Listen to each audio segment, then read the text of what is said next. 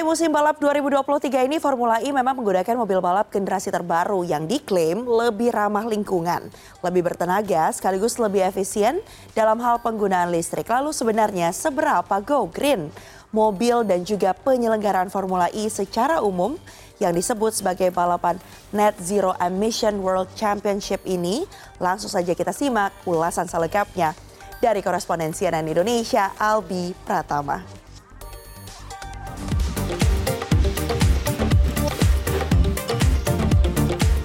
Jakarta kembali menjadi tuan rumah penyelenggaraan ajang balap Formula E, tepatnya di musim ke-9 tahun 2023. Saat ini saya udah ada di arena sirkuit Jakarta International E-Prix sendiri di Ancol dan ini bisa dilihat ada banyak tim-tim balap yang sedang melakukan persiapan di pit lane.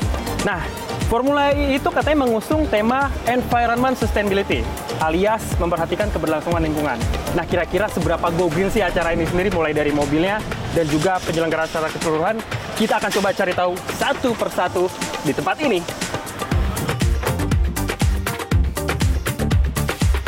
Bisa dilihat di sebelah saya, ini adalah mobil balap dari tim Maserati. Nah, ini adalah mobil balap generasi ketiga yang digunakan oleh seluruh pembalap Formula E di tahun 2023 ataupun di musim ke-9 ini. Nah, saya tunjukkan nih beberapa material carbon fiber menyelimuti mobil balap ini dan tahu nggak?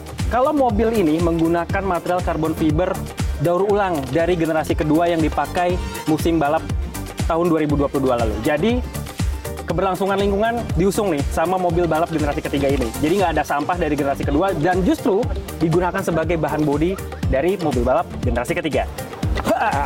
Yang kedua, Penyelenggar Formula E juga memperhatikan keberlangsungan lingkungan dari penggunaan bannya sendiri. Bannya sekarang sudah pakai Hankook asal Korea Selatan menggantikan peran Michelin asal Prancis yang digunakan di musim sebelumnya. Nah, keberlangsungan lingkungannya diperhatikan dari pembuatan material rodanya ataupun bannya sendiri. Karena ini menggunakan karet alami dan juga serat daur ulang dari ban-ban bekas yang digunakan di ajang Formula E musim sebelumnya ataupun di seri balap yang dulu nih. Keren ya. Dan ini punya single kompon yang artinya bisa digunakan pada saat basah ataupun kering balapannya. Luar biasa. Selain material bodi dan bahan baku ban mobil Formula E yang menggunakan bahan daur ulang, efisiensi energi mobil Formula E tercermin dari teknologi rem regeneratif yang dimiliki mobil generasi ketiga.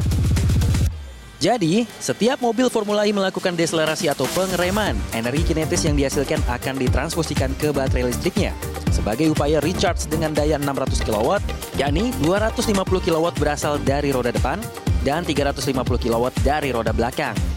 Penyelenggara Formula E mengklaim 40% energi yang digunakan dalam balapan berasal dari teknologi rem regeneratif tersebut. Adapun menyangkut keamanan balapan, sejak pertama kali penyelenggaraan Formula E pada 2014, beberapa kendaraan seperti plug-in hybrid hingga kini berjenis full EV selalu digunakan sebagai kendaraan safety car ramah lingkungan. Waduh, panas banget ya sirkuit Ancol ini. Nah, keberlangsungan lingkungan yang diperhatikan oleh penyelenggaraan Formula E juga tercermin dari suplai listrik yang digunakan untuk seluruh aktivitas yang ada di sirkuit, mulai dari ngecas mobil, lalu juga suplai listrik untuk di kursi penonton, kursi VIP, sampai dengan official crew, semua menggunakan sumber listrik green energy, di mana PLN Jakarta menyuplai sekitar 3.800 kV ampere listrik ke lokasi ini yang sumber listriknya dari PLTA atau tenaga air, lalu juga geothermal, dan untuk penggunaan genset yang ada di belakang saya, ini menggunakan bahan bakar minyak nabati ataupun HVO yang sangat rendah polusi. Pentingnya kelestarian lingkungan dan gaya hidup go green juga diperhatikan para pembalap Formula E. Beberapa di antaranya mengaku sudah memulai gaya hidup yang merujuk pada kelestarian lingkungan seperti menggunakan kendaraan listrik dan hidup di tengah keluarga yang berkecimpung dalam bisnis industri terbarukan. Try to use the least possible the car. For example, uh, you know, I have an electric car with Nissan. The areas which I try to use as much as possible uh, in terms of pollution.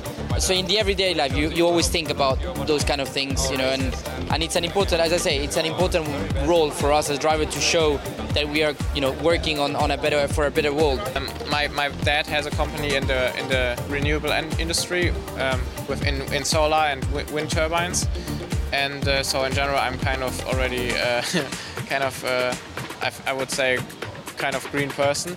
Um, yeah, and the Formula E is also, I think, one. It's a really important message to the world that sustainability and also the climate change is real, and um, where we tried, we can also have fun.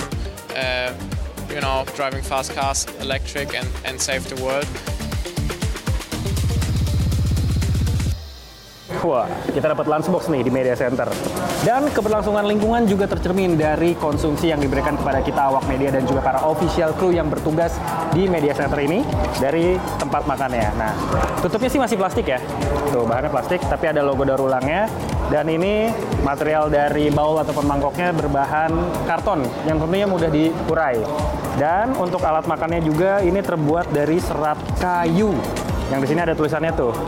100% natural without any harmful dan eco-friendly disposable wooden cutlery yang artinya nantinya ini bisa dibuang dan juga terurai dengan baik. Dan sekarang kita waktunya makan. Tapi semoga nih sendok dan garpu kayunya nggak bikin pohon-pohon ditebangin secara masif ya.